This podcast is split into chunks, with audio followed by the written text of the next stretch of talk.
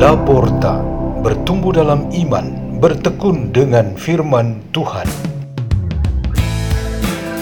Radio Laporta, pintu terbuka bagimu untuk pertumbuhan pengetahuan dan kebijaksanaan tentang Allah.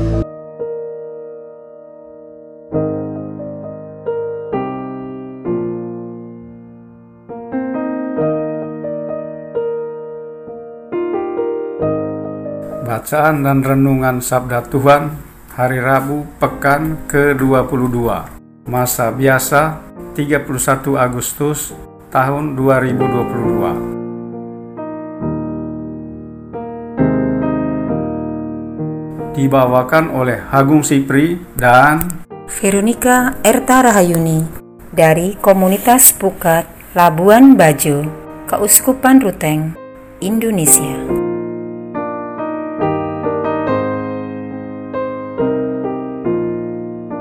Inilah Injil suci menurut Lukas. Setelah meninggalkan rumah ibadat di Kapernaum, Yesus pergi ke rumah Simon. Adapun ibu mertua Simon sakit demam keras, dan mereka minta kepada Yesus supaya menolong dia. Maka Yesus berdiri di sisi wanita itu, lalu menghardik demamnya. Segera penyakit itu meninggalkan dia wanita itu segera bangun dan melayani mereka. Ketika matahari terbenam, semua orang membawa kerabatnya yang sakit kepada Yesus. Ia meletakkan tangan atas mereka masing-masing dan menyembuhkan mereka. Dari banyak orang keluar juga setan-setan sambil berteriak, "Engkaulah Anak Allah!" Tetapi dengan keras Yesus melarang mereka berbicara karena mereka tahu bahwa Ia Mesias. Ketika hari siang, Yesus berangkat ke suatu tempat yang sunyi, tetapi orang banyak mencari Dia. Ketika menemukannya, mereka berusaha menahan Dia supaya jangan meninggalkan mereka. Tetapi Yesus berkata kepada mereka, juga di kota-kota lain, aku harus mewartakan Injil Allah, sebab untuk itulah aku diutus. Dan ia mewartakan Injil dalam rumah-rumah ibadat di Yudea. Demikianlah sabda Tuhan.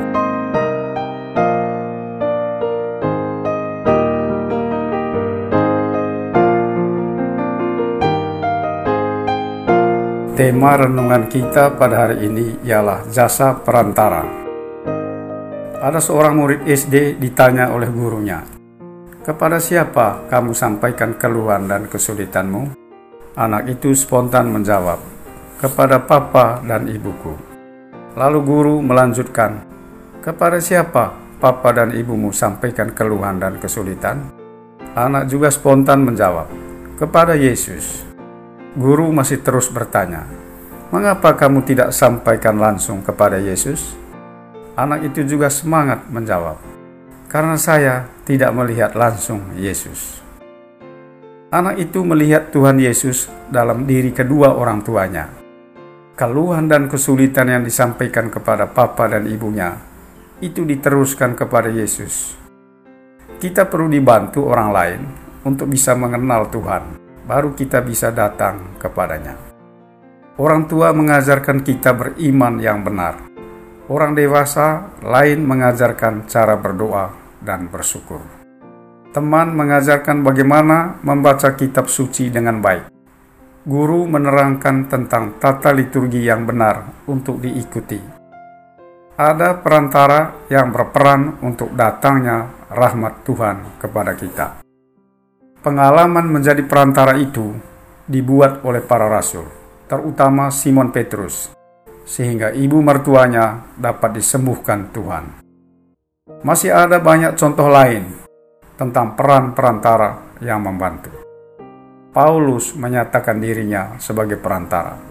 Demikian juga Apolos dan pribadi-pribadi lain yang bekerja untuk satu tujuan ialah membuat semua orang tahu, mengerti, mengenal, dan mengikuti Kristus. Bahkan kalau tugas perantara menjadi sangat menantang, ialah ketika seorang berkarakter tegas seperti Paulus, mau supaya orang-orang lain yang ingin mengenal Tuhan harus memiliki satu standar disiplin yang dipatuhi.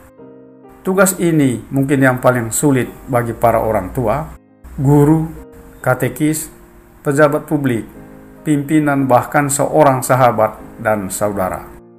Mereka masing-masing dapat menjadi perantara kehendak Tuhan.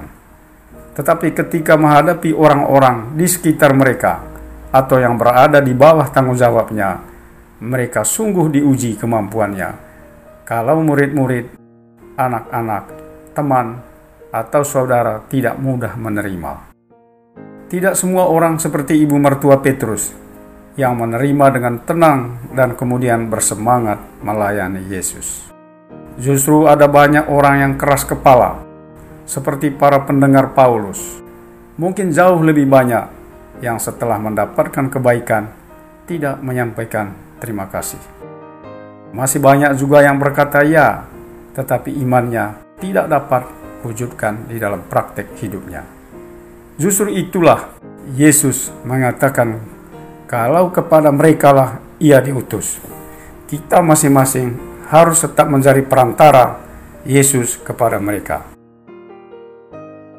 Marilah kita berdoa dalam nama Bapa, Putra, dan Roh Kudus.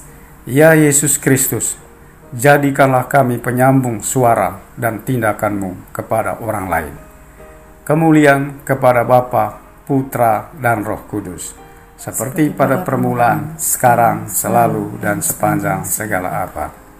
Dalam nama Bapa, Putra, dan Roh Kudus. Amin. Radio Laporta, pintu terbuka bagimu.